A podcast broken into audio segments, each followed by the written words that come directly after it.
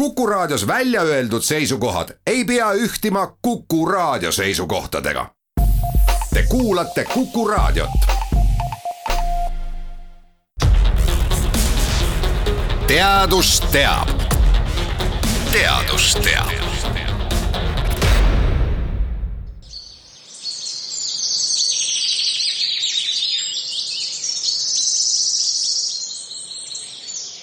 Valdur Mikita on kirjutanud kuna kõige tähtsam maastikutüüp on Eestis olnud ilmselt mets,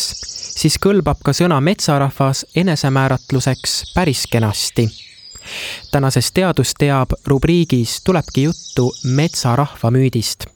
seejuures tuleb mainida, et metsaeestlane pole ju ainus rahvuslik müüt, neid on teisigi. näiteks võib eestlane olla endasse tõmbunud tööeestlane või iga nelja aasta tagant tantsu- ja laulueestlane, kuid sel korral on fookuses metsaeestlane ja seda teemat on lähemalt uurinud Atko Remmel, kes on Tartu Ülikooli kultuuriuuringute teadur ja Remmel selgitabki lähemalt, kuidas on tekkinud niisugune kujutelm, et eestlane on metsarahvas ja kus võiksid selle alged peituda. Loodusläheduse temaatika iseenesest pärineb kaheksateistkümnenda sajandi lõpu romantismist, mille üks olulistest ideedest oli inimese ja looduse ühtsus muistsel kuldajastul ja siis selle ühtsuse taastamine läbi looduskoemuste. aga nüüd, mis puudutab konkreetselt eestlasi, äh, siis seda, kuidas on kirjeldanud, kirjeldatud eestlaste loodussuhet, et see on erinenud aegade vältel päris äh, tugevalt, et näiteks üheksateistkümnendal sajandil baltisaksa autorid kirjeldasid eestlasi kui eelkõige looduse suhtes väga vaenulik, et kuidas eestlased hävitavad metsa ja, ja põhjusena tuuakse näiteks lattaedade tegemine kui ka näiteks majade kütmine, sest et eestlased ei armasta mitte sooja, vaid äh, kuuma tuba. aga nüüd olulisem äh, moment äh, metsarahva idee arengus oli üleüldse nõukogude perioodil ja alates kuuekümnendatest aastatest, kui, kui kerkis esile arusaam eestlastest kui soome-ugrilastest ja siis Siberis elavate keelesugulasrahvaste kultuur sisuliselt peegeldati mineviku eestlaste kultuuriks ja, ja mille tagajärjel siis tekib tuhande üheksasaja seitsmekümnendatel aastatel arusaam eestlastest kui metsavööndi äh, rahvast ja areneb välja arusaam ka loodusrahvastele, kuhu siis nüüd liigitatakse ka eestlased, loodusrahvastele omasest intiimsest äh, loodussuhtest no asja iroonia muidugi on selles, et, et selle, selline mõte äh, arenes välja samaaegselt üha suureneva linnastumisega. tuhande üheksasaja seitsmekümnendateks aastateks elas ligi kaks kolmandikku eestlastest juba linnades, aga samas äh, seitsmekümnendatest aastatest võib rääkida kui, ka kui eestlaste äh, looduspraktikate muutumise perioodist, kuhu viisid siis mitmed puhtpraktilised muutused, näiteks viiepäevane töönädal tuhande üheksasaja kuuekümne kuuendast aastast alates ja ka üldine transpordi areng ja lisaks sellele veel ka autode laiem müük alates seitsmekümne esimesest aastast. ja, ja muidugi ei saa märkimata jätta ka Eesti metsastumist äh, nõukogude perioodil. et nüüd oli ka reaalselt metsi, äh, kuhu inimesed saaksid minna ja võibki öelda, et kuni selle hetkeni otsest seost äh, tänapäevase eestlase ja, ja metsaga ei olnud ja, ja kuni, kuni selle hetkeni räägitakse ikkagi eestlastest kui, kui põli tuliste metsaelanike järeltulijatest ja seos eestlaste ja metsa vahel tekib alles tuhande üheksasaja kaheksakümnendate aastate lõpus. ja Nõukogude perioodi viimast kümnendit iseloomustab üha suurenev immigratsioon ja teisalt ka võitlus Eesti äh, looduskeskkonna säilimise eest, mis siis kulmineerus niinimetatud fosforiidisõjaga. ja see tõi siis kaasa, kaasa sellise kontseptuaalse muutuse, mida võiks nimetada ökorahvusluseks, kus siis Eesti looduskeskkonna säilimine seostatakse rahvusliku kultuuri säilimisega. ja, ja selles kontekstis nüüd tekibki arusaam eestlastest kui metsarahvast. aga siin on huvitav just see, et esialgu ei peeta siin silmas mitte seda, et eestlased elaksid metsas või et neil oleks mingisugune selline tihe seos metsaga, vaid viidatakse eestlastele kui paiksele rahvale, kes on elanud siinkandis juba viis tuhat aastat ja vastandatakse see siis stepirahvale, noh, kus on nagu selge äh,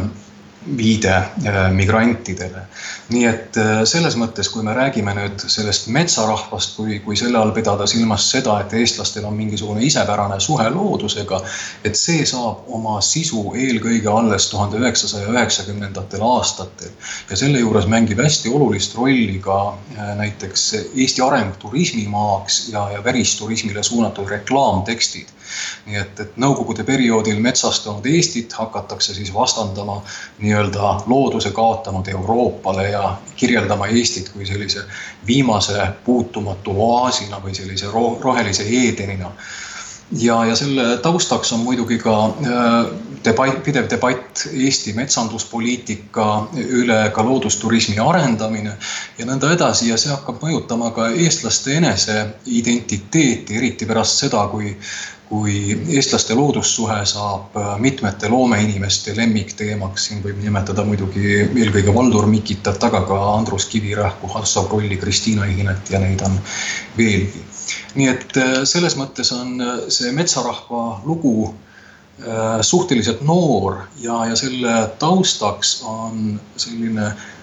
globaalne muutus, mille käigus siis metsast kui, kui või, või loodusest kui ohtlikust äh, kohast saab tervistav ja, ja selline laiemalt positiivsete nähtustega seonduv paik aga kui mõelda sellele, et milline siis see müstiline metsarahvas on, et kui vaadata nendele allikatele otsa, mida teie olete analüüsinud, et kuidas siis seda metsarahvast ette kujutatakse, et millisena see eestlane siis tahab ennast näha? siin on keskne idee, et, et metsas elamine või seotus metsaga kuidagi õilistab, et, et eestlaste puhul tüüpiliselt räägitakse sellisest intiimsest äh, suhtest metsa ja, ja tihtipeale ka vajadusest metsa järele, et ilma selleta ei ole ole elu nagu, nagu päris ja eelkõige otsitakse sealt siis nii füüsilist kui ka vaimset tervist. aga kui nüüd vaadata neid kirjeldusi täpsemalt, siis, siis äh, tegelikult kirjeldatakse sellist äh, üheksateistkümnenda sajandi talumaastikku, sellist romantiseeritud talumaastikku ja, ja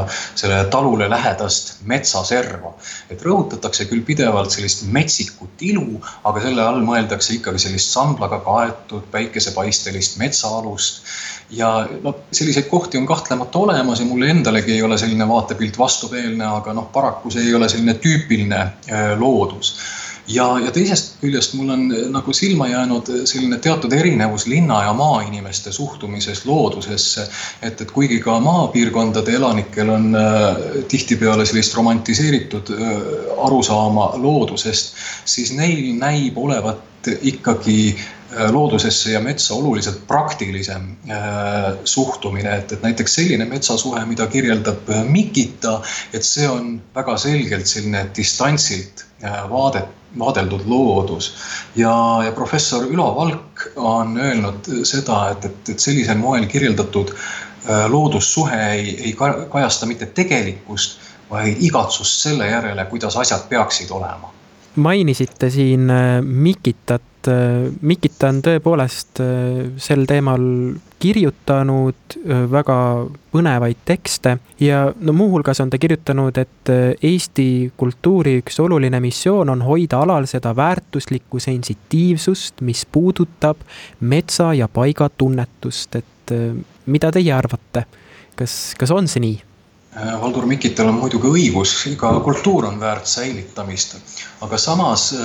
ei tasu siin arvata, et me oleksime kuidagi vähemalgi määral erinevad äh, teistest rahvastest või et see sensitiivsus, millest Mikita räägib, oleks midagi eestlastele ainuomast. et, et kui vaadata näiteks sedasama metsarahva äh, müüti,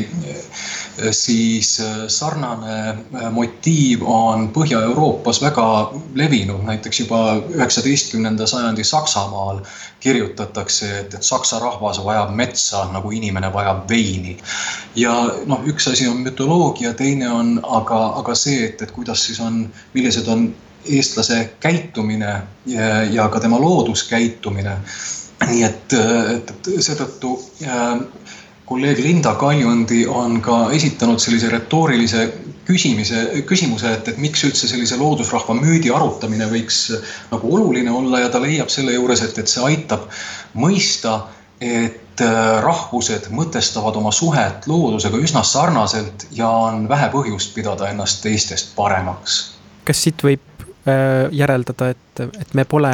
väga erilised selles suhtes, et mets ja loodus on meile hingelähedane? Jah, mulle tundub küll niiviisi, sest et metsarahva motiivis sisalduv selline romantiseeritud loodussuhe, see on tegelikult väga selgelt äh, selline linnainimese põgus ja turvaline looduskogemus, mis tegelikult vist kirjeldab ka suurema osa äh, eestlaste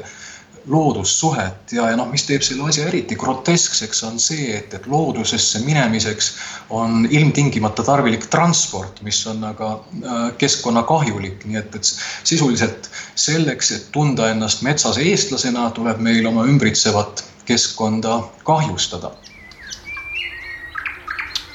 Atko Remmel on kolleeg Tõnno Jonuksiga selle teema kokku võtnud nii metsaeestlase motiiv on hea näide, kuidas suhteliselt lühikese aja jooksul kuju võtnud idee on näiliselt ajalooliste viidetega nii tugevasti kindlustatud, et jääb mulje, nagu väljendaks see rahvusele igiomast käitumist ja suhtumist. teadus teab. teadus teab